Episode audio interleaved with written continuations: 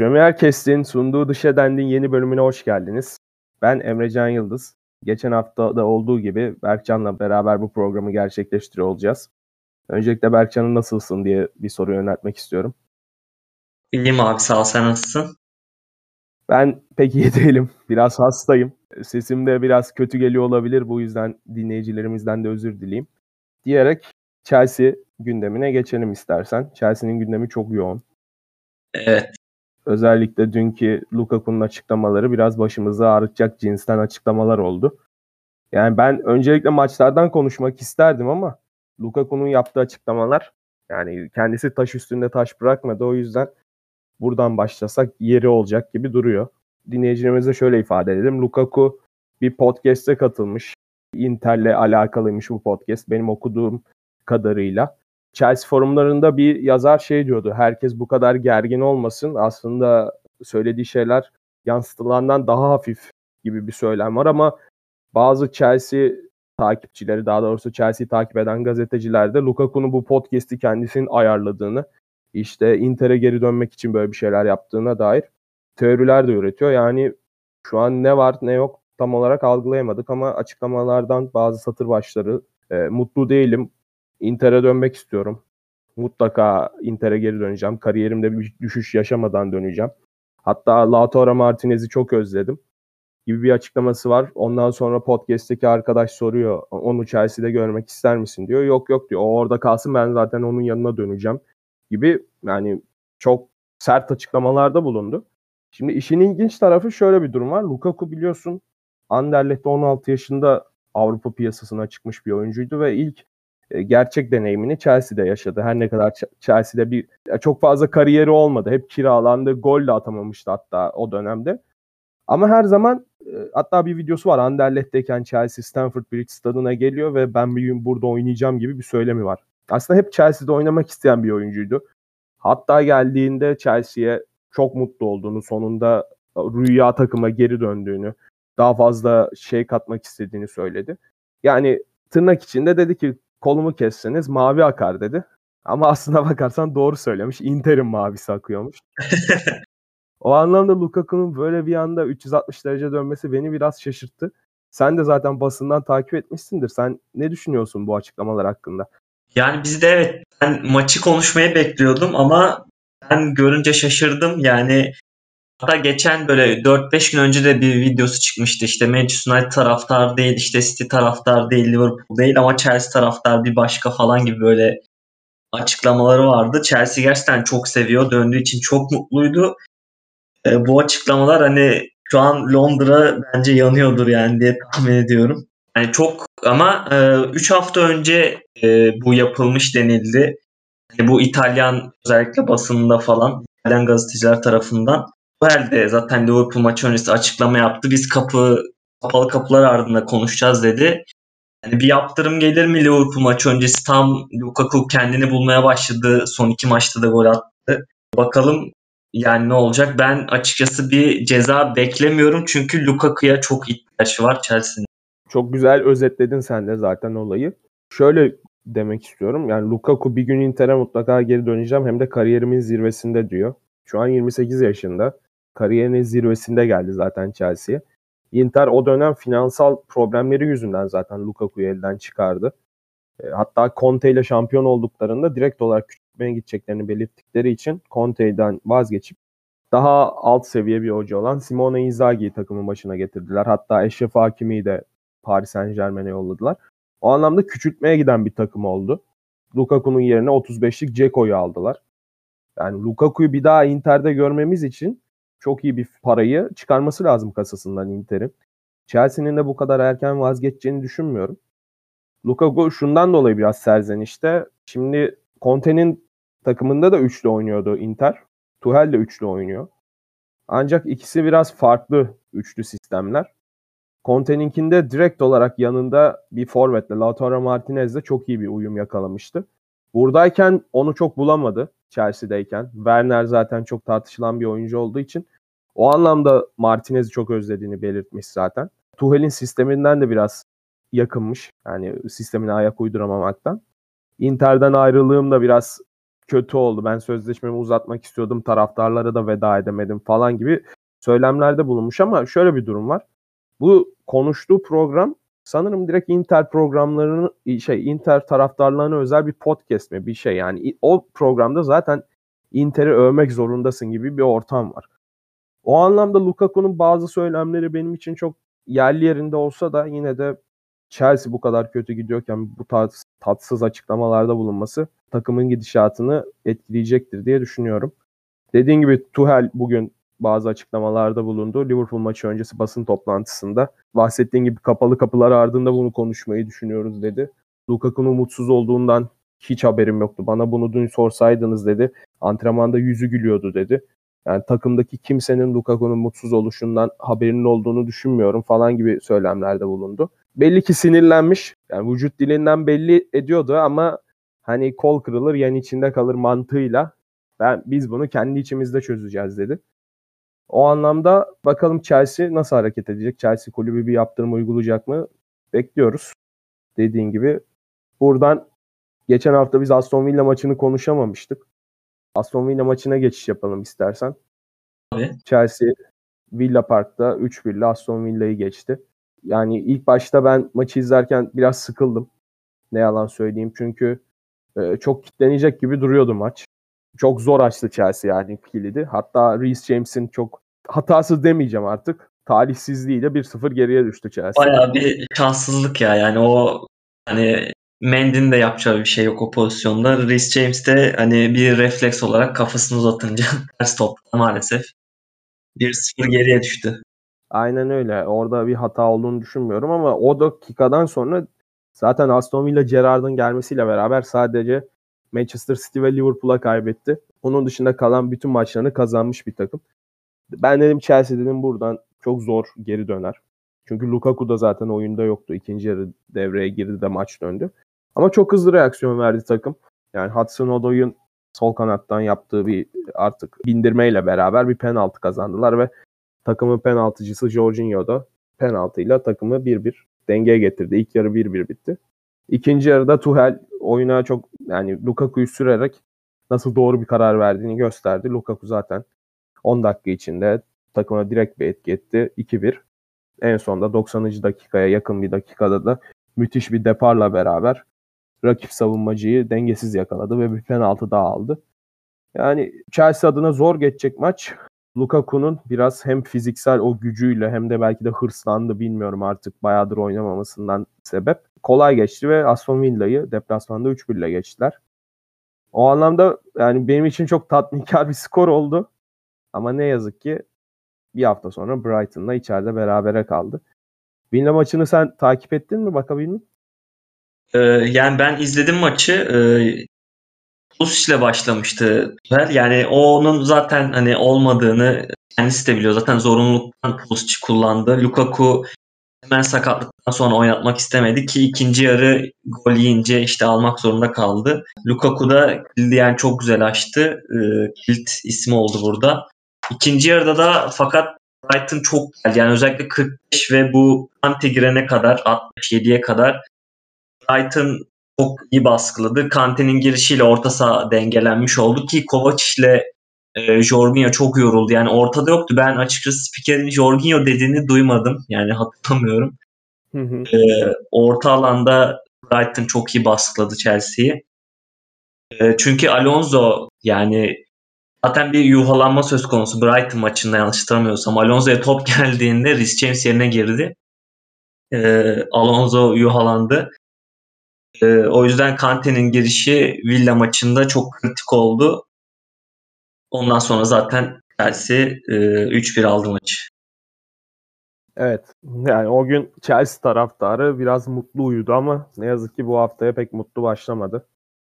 Dediğim gibi Brighton'la hafta içi yapılan müsabakada içeride Stamford Bridge'de 90. dakikada hem de eski bir Arsenal oyuncusu Danny Welbeck'ten gelen golle hem de Manchester United'da da oynadı yani. O anlamda ondan da gol yemek biraz can sıkıcı oldu. Evet yani golde e, hem Rudiger'le e, Christensen'in üstünden vurdu. Tam arasından vurdu. Yani hani maalesef güzel bir gol. Çok zor bir goldü. Ben biraz golü şeye benzettim. Fenerbahçe Beşiktaş maçındaki Josef de Souza'nın attığı ikinci gole. Biraz benziyordu açıkçası. Soldan Evet olabilir. Kureya iyi kesti. Orada Josef Beşiktaş maçında çok darbeli bir vuruş yapmıştı. Brighton maçında e, Welbeck boyunu da kullanarak yükselerek vurdu. Çok iyi noktaya vurdu. Ölü noktaya vurdu. Mendy'nin yapacak bir yani çaresiz kaldı. Doğal olarak yapacak bir şey yoktu o pozisyona. O anlamda sıkıntılı oldu Chelsea adına. Liderinde 8 puan arkasına düştü. Yani tablo pek iç açıcı değil Chelsea adına. Ve hafta sonu da pazar günü Liverpool'u konuk edecekler. Liverpool'da da işler pek yolunda gitmiyor. Chelsea kadar kötü olmasalar da. Onlar da Leicester'a 1-0 kaybettiler. E, bu maça dair beklentin ne? Çünkü bu maçta Dana'nın kuyruğu kopacak gibi. Liverpool'un bir maç eksiği var. Senle de yayın öncesi konuştuk bunu. City'de Arsenal'la yapacak. Arsenal da son dönemde çok formda. Hatta Guardiola şey dedi Arsenal'ın son 5-6 yılındaki en formda dönemine denk geldik. O yüzden zor bir maç olacak dedi. Ama işte Guardiola'nın akıl oyunları bunlar. Çok da ona güvenmemek lazım. Liverpool maçı sence nasıl geçer? Taraftarıyla beraber Chelsea Liverpool'u içeride devirebilir mi? Ee, yani bu Lukaku özelinde eğer bir yaptırım gelirse ki yani normalde zaten maç bence çok zor geçecek çünkü Reece James yok, Thiago Silva zaten Chilwell söyledik ameliyat oldu. Werner'in dönüp döneceği belli değil. Loftus-Cheek e, dönüp döneceği yine belli değil. E, açıkçası çok zor bir maç olacak. Yani Liverpool Leicester mağlubiyetini e, Chelsea ile telafi etmek isteyecek. Onlar da 1-0 e, kötü yenildiler. 2.6 gol beklentisi vardı Liverpool'un. Sala zaten bir tane penaltı kaçırdı. Ardından garip bir pozisyon oldu. Kafaya vurdu direkten döndü falan. Bu yüzden e, Liverpool'un maça iyi hazırlandığını düşünüyorum ben iyi hazırlanacağını. Chelsea'nin ve Tuchel'in işi zor. Özellikle Lukaku krizi varken. Evet çok güzel değindin. Ben de Liverpool'u ne yazık ki favori görüyorum. Yani ligin ilk yarısındaki maçta Anfield'da 1-1 beraber kalmıştı Chelsea ve gerçekten Havertz'in golüyle öne geçmişti kornerden. E, fena da bir oyun sergilememişti ama o dakika yani kırmızı kart görmüştü ve o dakikadan sonra bir razı oldu. Anfield deplasmanında 1-1 e, kötü bir sonuç değil ama şu anda Liverpool bence de favori geliyor Stamford Bridge'e. O anlamda umarım Chelsea takımı bu maça hazırlıklı olur. Lukaku da Eylül ayından beri gol atamıyordu Aston Villa maçına kadar. Dediğin gibi 2'de 2 gidiyordu. Ancak bu hafta içi yani daha doğrusu dün basına yansıyan o demeçler tadını kaçırdı biraz takımın. Umarım Liverpool'u saf dışı bırakırlar. Diyorum onun dışında konuşmamız gereken bir konu sezonun en iyi oyuncularından biri olan Ben Chilwell hakkında geçen sezon geçen program zaten konuştuk. Ameliyat olacaktı. Ancak bir ay içinde dönmesi bekleniyordu. Sonrasında kulübün doktorlarının aldığı kararla beraber dizinden bir operasyon geçirdi ve sezonu kapattığı söylendi. Chilwell ne yazık ki bu sezon Chelsea'de olmayacak. Dileriz seneye daha güçlü şekilde döner. Geçen hafta Luka Dean transferini konuşmuştuk. Olası bir Luka Dean transferi vardı. Biliyorsun Everton'da oynuyor kendisi. Fransız sol bek. Ancak bugün bir haber daha okudum ve beni mutlu etti. Eğer doğruysa Milan'ın sol beki Theo Hernandez ile ilgileniyor Chelsea diye bir haber okudum. E, Milan'ın da 60 milyon euronun altında bir bonservis bedeline bırakmayacağı söyleniyor Theo Hernandez'i. Kendisi çok formda. Fransa milli takımında da çok iyi bir performans sergiliyor. O anlamda çok iyi olur diye düşünüyorum. Çünkü şu an aktif olarak en formda sol beklerden biri. Andrew Robertson, Alfonso Davies belki onları sayabilirsin. Onun dışında. O yüzden e, Hernandez'in çok iyi transfer olacağını düşünüyorum eğer olursa.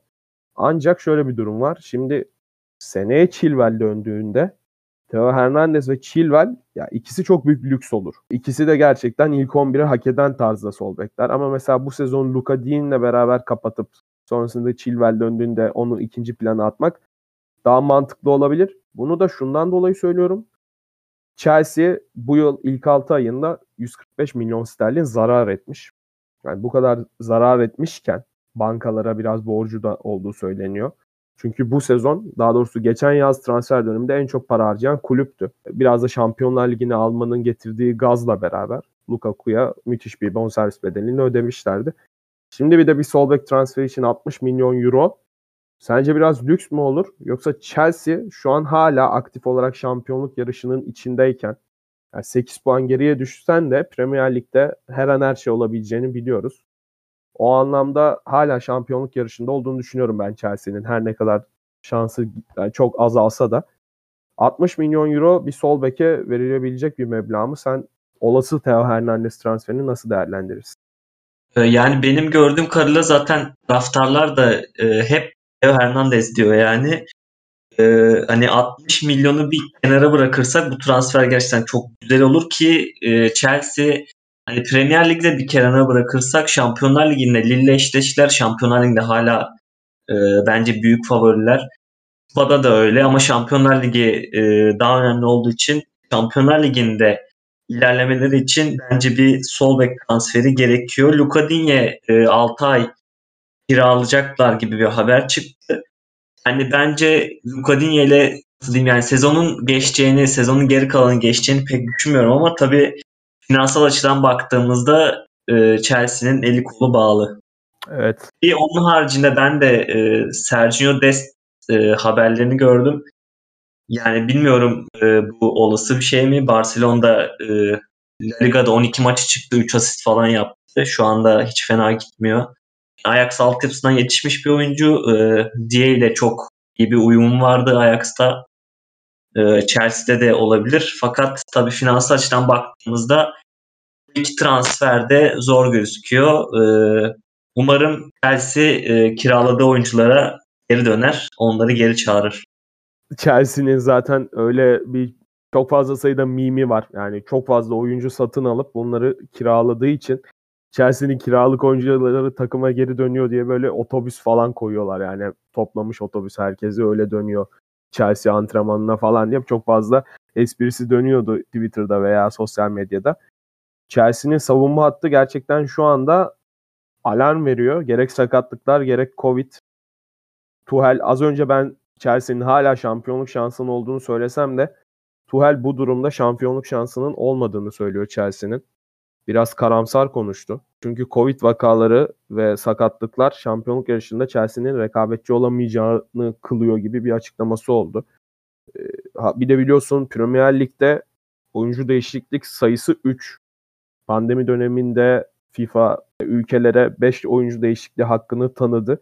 Ama Premier Lig'de bu 3 ile sınırlıyken bir de bu 7 tane Covid vakası vardı Chelsea'nin geçen hafta. Bu anlamda Chelsea'nin gerçekten çok zor dönemden geçiyor. Tuhel belki de hiç bu kadar zorlanmamıştı Chelsea başındayken. Bakalım bunu nasıl atlatacak Alman hoca göreceğiz. Onun dışında konuşmamız gereken pek bir konu kalmadı. Senin değinmek istediğin bir nokta vardı. Dilersen onu söyleyebilirsin. Evet, John Terry e, geçen hafta söylemiştik. En azından bir tane güzel haber verelim. E, John Terry altyapı ve gençlik sorumlusu olarak 2022'de görev yapacak. Gerçekten ben hani çok mutlu oldum. Chelsea taraftar da olmuştur ki e, bir tweet paylaştı John Terry. Chelsea de resmi olarak paylaştı bunu.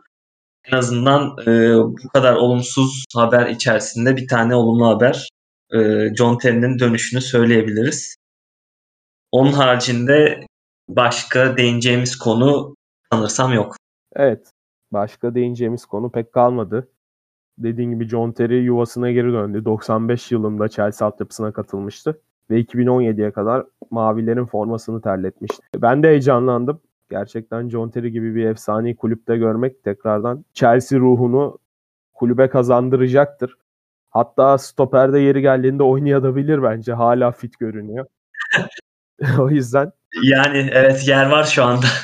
Aynen stoper çünkü stoperleri duruyor Chelsea'nin şu an aktif olarak ancak kontrat yenileme süreçleri biraz tıkandı. Onu da geçen hafta konuşmuştuk zaten. Aspilicueta, Barça, Rüdiger, Real Madrid. Evet. E, Christensen'in 5 yıllık kontrat teklif etmiş Chelsea ama 5 yılı fazla bulduğu söyleniyor. Şu yılda mutabık kalmaya çalışıyorlar. O da tıkandı. E, o da Barcelona galiba. Barcelona'ya yakın. Yani Barcelona'ya gitmek istiyor. Evet, evet şu aralar Barcelona bir yeniden yapılanma sürecinde olduğu için bazı oyuncular oradaki projeyi çok heyecanlı buluyorlar. Ee, doğal olarak mesela Aspilicueta Barcelona'ya çok iyi olacak bir oyuncu. Her ne kadar yaşı gereği biraz yaşlanmış olsa da müthiş bir lider, müthiş bir kaptan. Ben kesinlikle Chelsea'den ayrılmasını istemem. Ancak şu an son dönemlerde Aspilicueta çok fazla oynadı. Bunun da temel sebebi Covid ve sakatlıklardı. Ancak e, Chelsea'nin gerçek sağ bek veya sağ stoper rotasyonu yani herkes fit olduğunda Aspilicueta ne kadar süre alabilecek onu da düşünmek istiyor. Çünkü İspanya milli takım formasına hiç olmadığı kadar yakın. Son dönemde çok sık da çağrılıyor milli takıma. O anlamda Aspilicueta Barcelona'yı düşünebilir. Rüdiger için sen geçen hafta belirtmiştin. Maaş konusunda çok büyük bir uçurum olduğu söyleniyor. Beklentisi ve Chelsea'nin önerdiği maaş konusunda. Christensen dediğin gibi Barcelona'yı çok heyecanlı buluyor. Thiago Silva'yı da Chelsea şöyle Thiago Silva'ya bırakmış bu kararı.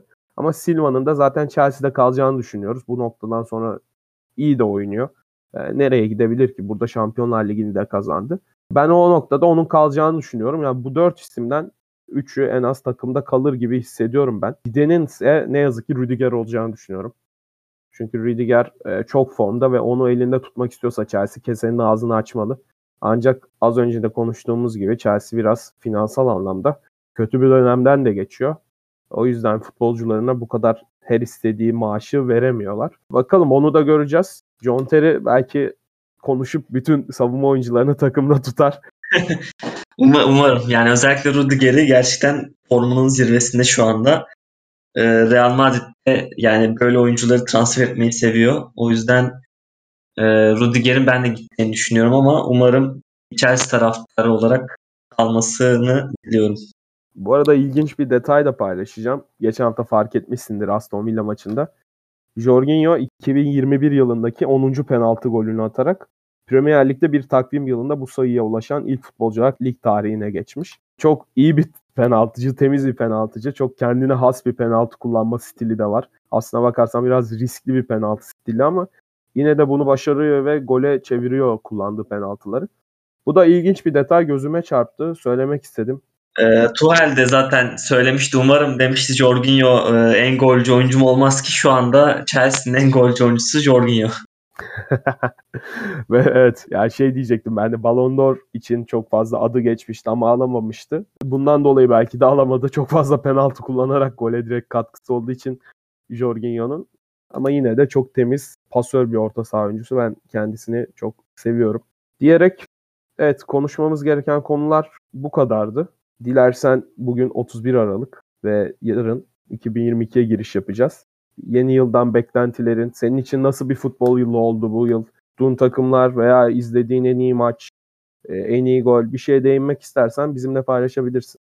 Ya bence çok keyifli geçti. Özellikle e, hani Chelsea özelinde söyleyecek olursam e, Şampiyonlar Ligi finali bence hani biraz sıkıcı geçse de yani öyle söylense de Chelsea'nin kazanması sonuçlandığı için e, mutlu olduk. E, Euro 2020 Türkiye adına güzel olmasa da bence güzel bir turnuvaydı. Çok güzel maçlar oldu. Çekişmeli maçlar oldu. Onun haricinde söyleyecek bir şeyim yok şu anda. Herkese e, yeni yıllar dilerim. Umarım e, tüm istekleri gerçek takipçilerimiz. E, iyi dileklerin için teşekkür edeyim. Kendi adıma çok keyifli bir yıl oldu. Açıkçası dediğim gibi Chelsea'nin Şampiyonlar Ligi'ni kazanması beni de çok tatmin etti taktik savaşı olan bir finaldi ama daha kötü finallerde izlemiştik. O anlamda ben çok sıkıcı diye değerlendirmek istemiyorum. Mesela 2019 Liverpool Tottenham finalinin daha sıkıcı olduğunu düşünüyorum. Onun da temel sebebi daha ikinci dakikada Sissoko'nun atılıp e, Liverpool'un penaltıyla 1-0 öne geçmesinden kaynaklı olduğu için o dakikada Tottenham bir şey yapamamıştı. O anlamda daha sıkıcı finallerde izlemiştim. Euro 2020 dediğin gibi heyecanlı bir turnuva oldu. Müthiş maçlar oynandı milli takımımız adına kötü geçti. Sen de bahsettin ama çok güzel maçlar vardı. İşte İspanya, Hırvatistan, Fransa, İsviçre gibi bol gollü ve çok güzel gollerin atıldığı maçlar oldu. Bu sene çok güzel goller de atıldı. Ben sezonun golünün geçen seneki e, Arsenal Tottenham maçında Lemalia'nın attığı gol olduğunu düşünüyorum. Ayağının dışıyla bir gol atmıştı Arsenal maçında Lamela ve çok iyi goldü. Onun dışında Taremi'nin attığı bir gol vardı Porto'dayken Chelsea'ye. O gol de çok zevkliydi izlemesi. Umarım yeni yıl çok zevkli geçer. 2022 herkese istediklerini getirir. Başta sağlık, sonrasında huzur, mutluluk, başarı, para, kim ne istiyorsa dilediğine kavuşur. Chelsea ipi göğüsler. Umarım, umarız. O anlamda iyi bir yıl olsun diyerek programı kapatıyorum izninle. Evet sevgili dinleyiciler. Premier Kiss'in sunduğu The Shedend'in yeni bölümüyle sizlerle birlikteydik. Kendinize iyi bakın. İyi seneler diliyoruz. İyi seneler.